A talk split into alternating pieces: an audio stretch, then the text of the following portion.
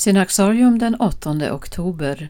David Petander En av sina sista predikningar som präst i Ånge inleder David Petander med orden Gud behöver inga kyrkor, Gud behöver inga bönhus, Gud behöver inga präster, Gud behöver inga predikanter.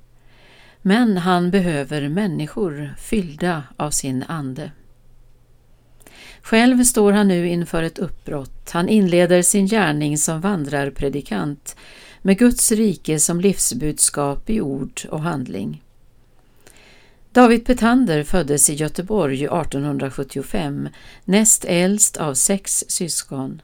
Hans far var skräddarmästare och i hemmet lärde sig David snickeri och skomakeri, men framför allt ett engagemang för människor i nöd. Fadern kunde komma hem med folk från gatan, man gav dem mat, kläder och husrum. Efter studier i Uppsala och en examen i teologi bestämde sig Petander för att bli präst.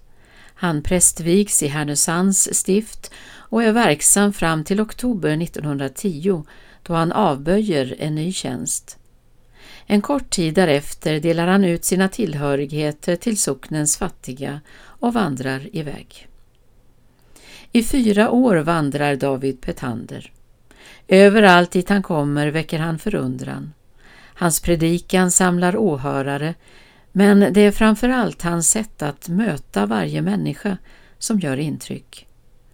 Ett samtida vittne berättar Hans ovanliga hjälpsamhet och barmhärtighet mot dem som var behövande var sådan att alla måste se något rent gudomligt i hans gärningar. Han var i hög grad fördragsam inför oförrätter och om de mest förnedrande varelser dömde han milt. Han mötte alla med samma människokärlek. David Petander, som kallats för en svensk Franciscus, väckte också anstöt och oro. Man talade om andligt högmod och religiöst vansinne. Men han försökte aldrig påverka människor att gå samma väg som han. Det som inte sker inifrån är inte av Gud, sa han. Lika ogärna uttalade han sig i politiska frågor eller ägnade sig åt dogmatik. När man ville få honom att ta ställning i lärofrågor kunde han beskriva läran som en bägare som rymmer ett dyrbart innehåll, men för många kristna blir bägaren det väsentliga, sa han. Petander fick åtskilliga lärjungar och bland dem som under en tid vandrade med honom fanns Hjalmar Ekström och prästen N.P. Wetterlund.